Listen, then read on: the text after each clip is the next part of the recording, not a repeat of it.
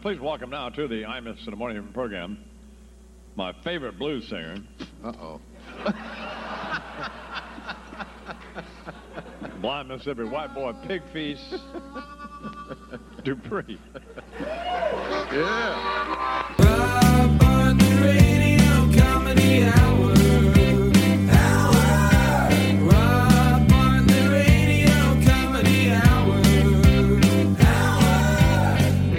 Welcome to the Rob Bartlett Radio Comedy Hour, Season 4, Episode 5 The Legend of Pig Feets Dupris.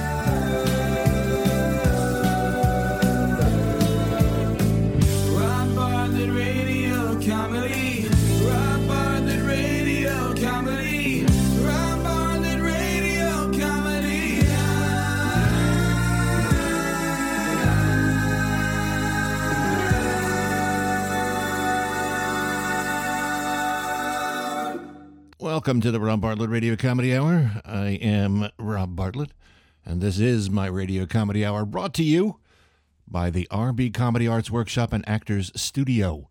Learn how to be a stand up comic, comedy writer, comic actor, taught by a man with over 40 years' experience as a professional in all of the above. Classes are forming now in the New York area. But if you don't live in the New York area, check out the rbstudio.com for information on how to sign up for the online course, which includes personal FaceTime Skype coaching by me, Rob Bartlett. The rbstudio.com. Find your funny. Tonight we got something uh, something very special, an excerpt from an upcoming documentary about blues legend blind Mississippi white boy Pig Feets Dupris. Uh, it's based on his unauthorized apocryphal autobiography, "Smells Like the Blues." It's uh, it really is. It's a, it's a fascinating story about Feets, uh, his tragic but um, amazing life, uh, how he got his start, uh, some examples of how he how he fit into the history of rock and blues music, including a number of performances from his many appearances on the Imus in the Morning program as the resident blues artist when Delbert McClinton wasn't available. So uh, please enjoy this excerpt from Smells Like the Blues. He was born Maurice Levon Mordecai Dupris to a family of migrant lint farmers in Smegma, Mississippi, a small backwater town just across the river from Carbuncle, Alabama. His twin brother died at conception, but that was not the only tragedy that would befall him at the beginning of his life. When he was five years old, he was taken to the doctor to address his strangely halting and somewhat delicate stride. He was diagnosed with porcine chirodopoditis, a condition in which all five toes were covered with only one nail. This earned him the nickname Pig Feets. When he turned seven, he befriended the cantor of the only synagogue in Smegma, Temple Sharai Shena, Shlomo Rappaport, who played harmonica in a blues band, Little Shlomo and the Meshuggah Matzabrai. Dupris became the Shabbos Goy of the temple, performing tasks for the congregation that they could not do themselves on the Sabbath due to Talmudic law. In return, Shlomo taught the lad how to play the harmonica, and on his eighth birthday presented him with a C harp, which he called Lulu Bell. And it's the same one he played for over 70 years, heard on every record he ever recorded, except for those where he played the ocarina during his controversial Neolithic period. There was something about this boy boychik that was special. At first, I was a little suspect because everyone called him Pig Feet. I thought maybe he was Trafe, you know. But then I found out about the toes. I thought, oi, go get yourself a pedicure. But he was fine with it. He said that it was okay because that's the way God made him. See what I mean? Special. Sweet. I gave him one of my old garmishkas, and he took to it like a natural. Not five minutes, and he was playing a riff from one of the songs I wrote, the Fakakta Shmata Blues. That song eventually became the first thing Feets would ever record. As a mere lad of 12, along with his mentor Shlomo and the other members of the Matzah By the time he turned 16, Fakakta Shmata Blues was certified lead by the Recording Industry Association of America.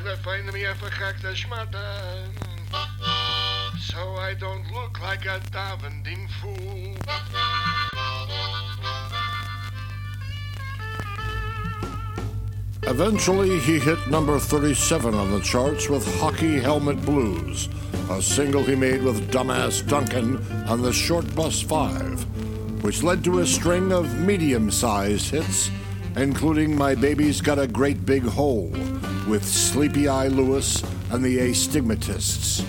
But his breakout as a solo artist was with Corn in My Stool, the B side to his novelty song Five Peter Peter. Everybody, come on, put your hands together now. I knew a man named Peter Johnson, the undisputed king of romance.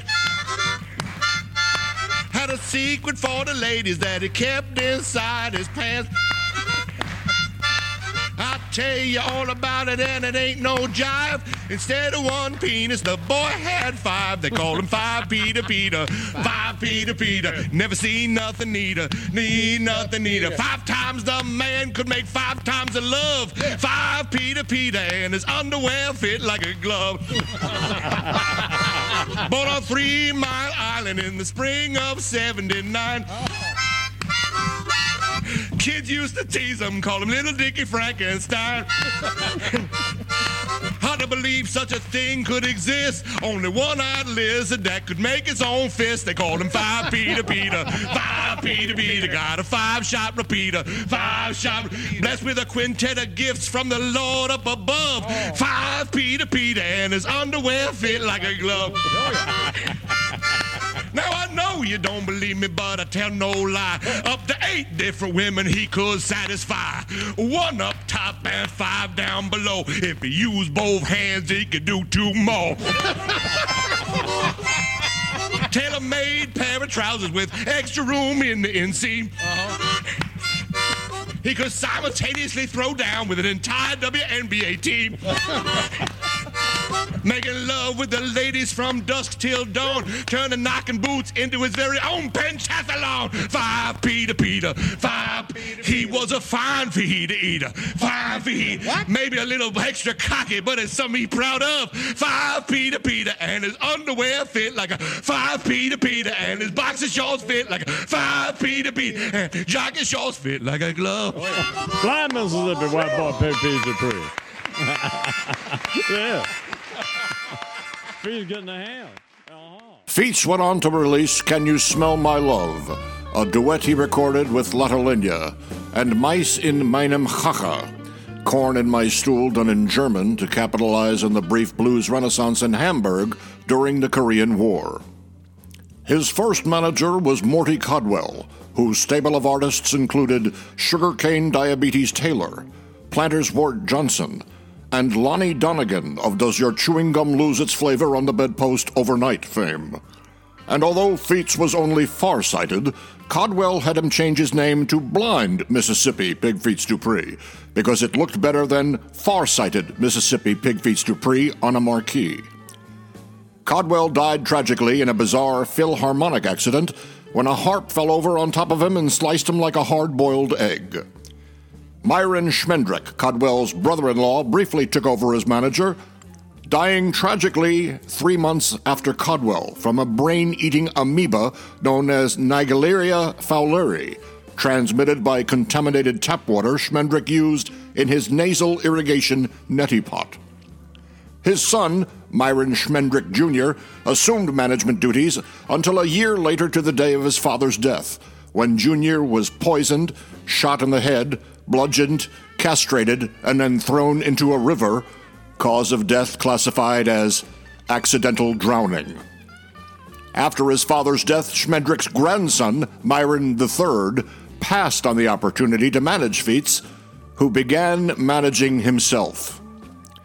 He charged himself 20% commission and somehow was always in arrears, but he advised himself to use his music to comment on current news events, the idea being that there would always be new music to record.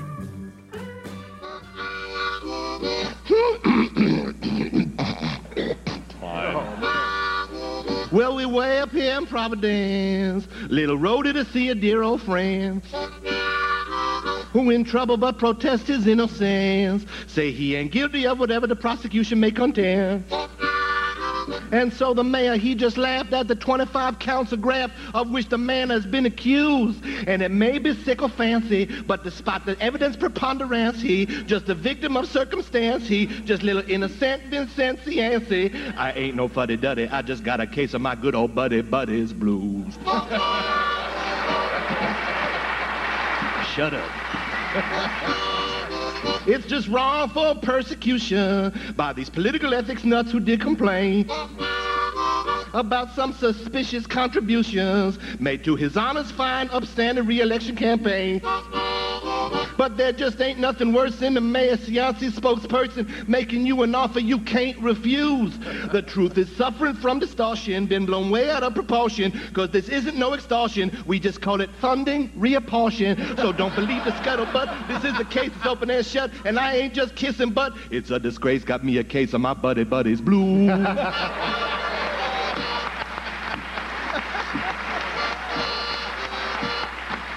Those involved in the investigation, called Operation Plunder Dome, better drop these accusations or end up in a funeral home. so what, he skimmed a couple of dollars? Well, hell, buddy is the boss. But them red spots on his collar, well, that ain't no tomato sauce. he may be a wheelie dealer, but he won't do the time because he didn't do the crime. And for all you low-life squealers, won't give you two cents to anybody who done dropped a dime. Cause these charges of racketeering may soon be disappearing like someone on a sleep with the fishes cruise. Cause the bribe solicitation is just a hurtful allegation that has absolutely no foundation. It won't bear substantiation. And my only recommendation is beware of retaliation cause the mayor's reciprocation could result in your cardiopulmonary resuscitation. so go tell everybody that thing show could get bloody. This boy's just a wee bit nutty, so don't mess with my buddy, buddy, lest you want to wear a pair of seaman shoes. Why, Mississippi White Boy Pig buddy, free buddy, free buddy, free buddy. On the road in the early 50s, Feets became addicted to Sen-Sen after being given the popular breath freshener by Doris Day at a party for Randolph Scott. He battled the addiction most of his life, but in 2013 he quit the mints cold turkey as the manufacturer, F&F Foods, stopped making them. He was the first to record a concept album, Colonel Sanders Extra Crispy Bridge Club Band, released on Capitol Records, capital with an A, not an O, in June of 1967, an entire month after the Beatles' Sgt. Pepper's Lonely Hearts Club Band. Feets had collaborated with Paul McCartney on a song, I Want to Hold Your Hair, about a man whose love for his woman was so deep he would keep her tresses out of her face while she threw up. It was pressed and about to be released when the Beatles came out with I Want to Hold Your Hand, which Dupris claimed was his and Paul's song with different lyrics. This caused a bitter falling out between the two musical legends, Feets maintaining that Sergeant Pepper was a ripoff of Colonel Sanders. He attempted, unsuccessfully, to sue the Beatles for plagiarism. Sanders' dismal sales, only 37 copies were sold, led Feets to recall all the remaining records and have them melted down and used to build a small vinyl sedan, propelled by an engine that ran on static electricity, designed by Feets. Unfortunately, he totaled the car in a rush hour pileup. It is said that the car virtually skipped on a crack in the pavement. And another vehicle was never made, as Feets lost the blueprints and didn't remember how he built it. It was subsequently never patented. The tragic accident left Feets incapacitated for nearly two years, during which he did no touring or recording, nor was he seen in public. It is said that he spent the 22 months in bed recuperating from his injuries until the promoters of the Woodstock Festival approached him to perform. Feets agreed, but actually went to the town of Woodstock instead of Bethel, where the real event was staged, and played at a festival called Soupstock, held in a parking lot in the back of an A&P. It was here that Feets discovered that the accident had left him without a sense of smell. This caused some commotion when, as a guest judge of the soup contest, he chose a New England clam chowder over the crowd favorite mulligatawny. In late 1969, Feets attended the Altamont Free Concert as a guest of Keith Richards, but high on Sen-Sen, he could not find the stage, tripping and falling into a motorcycle of a Hell's Angel, causing it to tip over. In the early 70s, Feets started a torrid affair with Mama Cass Elliott, and their on again, off again relationship was passionate yet stormy. And when she died in July of 1974, Feets was devastated, probably because it was he who made her that fatal ham sandwich. In 1977, Feets met Dolly Parton at the funeral of Porter Wagoner, which was an unusually rare occurrence, as Wagoner didn't die until 2007. He fell head over heels in love with Dolly, and although she was very sweet and kind to him as hard as he tried, his love was sadly unrequited. He carried a torch for her for the rest of his life, seeing her for the first time in many years during an appearance on the Imus in the Morning program. Reunited with who he believed was his soulmate, he performed a song he had written especially for her. A tribute to my love, eternal for Miss Dolly Parton. Don't do that.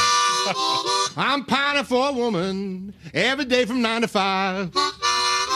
Here she come again, but she don't even know that I'm alive. She made me so excited, but my love is unrequited. If I was to tell her I adore her, she wouldn't be nothing but bemused. I'm feeling my disheartened. I might as well be on a milk carton. Good golly, Miss Molly, I'm panting like a border collie. I'm very sorry, Charlie, but I got them. I'm in love with Dolly Parton Blue. She says she's just a backwards Bobby. Well, I want to be her Ken. Take her for a roast beef sandwich at Arby's. Cause that girl's a 15 out of 10. Love is like a butterfly, but I'm just an old alley cat. Still, I gotta ask her, why she coming here looking like that? I don't give my heart to Parton, for she truly is the woman of my dreams. But ain't no use in me even starting, cause though I ain't Kenny Rogers, I'm still just a little island in the stream. and not to even mention, I can't get the girl's attention. Tell her I worship everything from her big blonde wig to her coat of many colors, right down to her custom made high heel shoes. I am smitten like a kitten, but Miss Parton, like you have written, I, I, I, I will always love you. I'll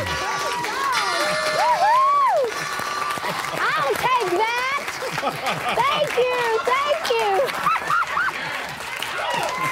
oh, thank you. That was precious. Thank you so much. I will always love you too. Feets' association with the Imus program began in the late 1980s when Lou Rufino, Imus's broadcast engineer, found Feets at CBGB's, opening for the Trash Can Sinatras. He brought Feets to the I-Man, who had him on several times a year until the early spring of 2018 when Imus retired from the airwaves. Feets was crestfallen and spiraled into a deep depression, as the Imus program was the last venue the Blues great had on which to perform. Morning, boy. How are you, uh, blind? Uh, I'm tired. I think, first of all, uh, we should point out to everybody that you're actually not blind. I, I, I'm a little farsighted. Yeah. I, I got to use a uh, contact lens, but Mm-hmm. but you can't say farsighted Mississippi white boy feet feet. That would be stupid, yeah. Yeah, it would. Take 'em too much room on the marquee. Yeah. So, what y'all gonna sing for us this morning? I got the blues about the president of the United States. Got some blues on.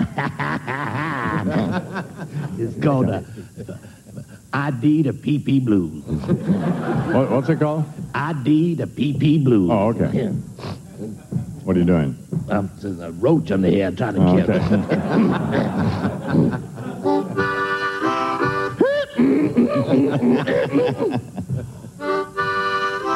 Come listen to my story about a lady named Paula Corbin Jones who went up to Governor Bubba's hotel suite without so much as a state trooper for a chaperone. she wasn't his personal secretary, but allegedly he asked her to speak into his dictaphone. Pants around his ankles. Now there's the image that could make you sick. Bubba told her he was doing a puppet show, a tribute to presidential politics. See, Paula, this here's old Abraham Lincoln, and right under him, that's Mr. Tricky Dick. if Bubba should be found guilty, uh-huh. Hillary gonna make him move. Paula say her allegation won't be difficult to prove. Cause something special about Slick Willie's Willie. Is it a birthmark or a wart?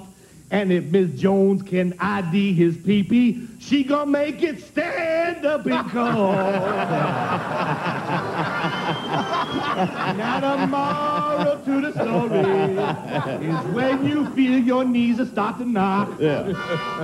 You got to use your head, and I don't mean the little one. Ain't nothing worse than a man going off half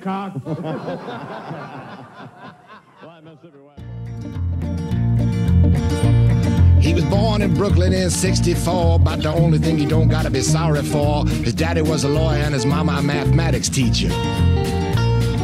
This was a kid who'd never get laid, cause the coolest joke that God ever done played was the satellite boy with the moniker of Wiener.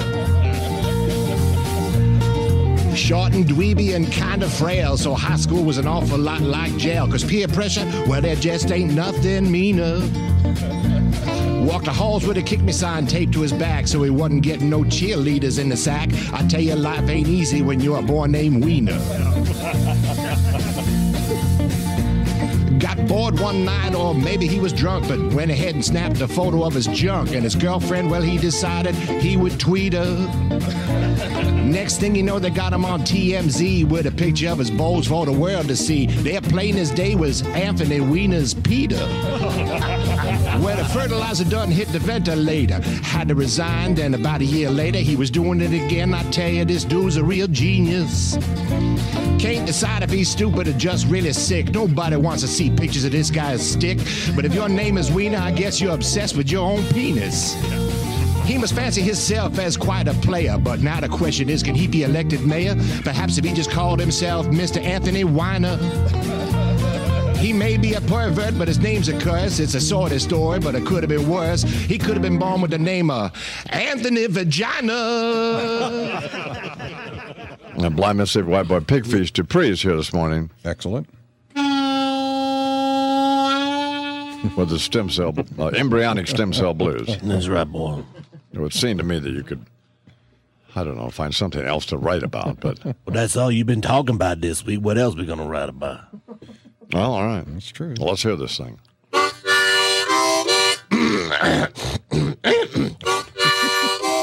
George W. got a hard decision over federal funding of research to cure disease.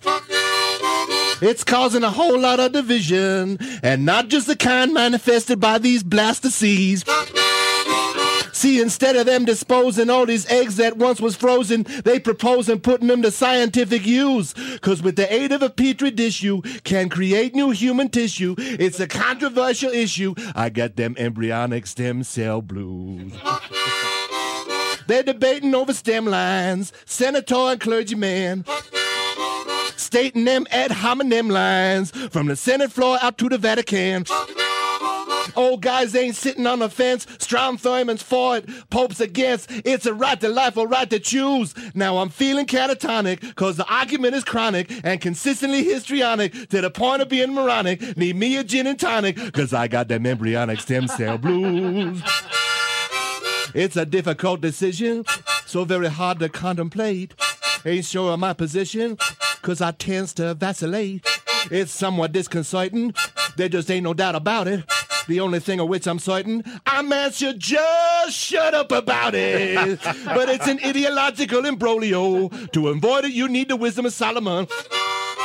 But what they can do with these here embryos is a certifiable phenomenon. So do I heed the incompliance or bow to the needs of science when it comes to this protoplasmic ooze? A copulation-free creation formed by in vitro fertilization, not brought to full gestation, only partial replication, used for biological experimentation. Is it a moral aberration or humanity's salvation? It's the polemical altercation that is sweeping across the nation. So I'm admitting that I'm splitting, just like one of them embryonic stem cells do.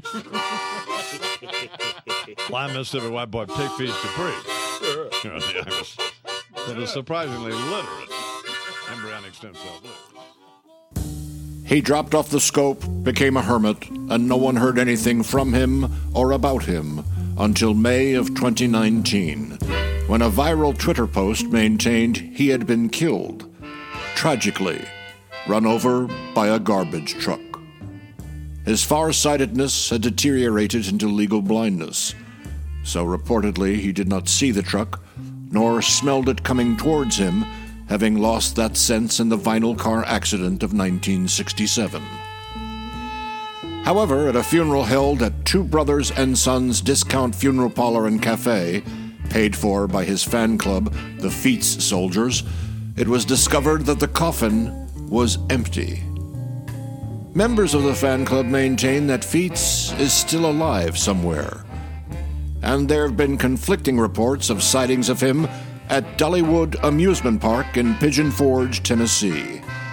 Some conspiracy theorists maintain that Feets faked his own death to remove himself from the public eye. And to support that theory, certain audio clues can be heard when playing his records backwards.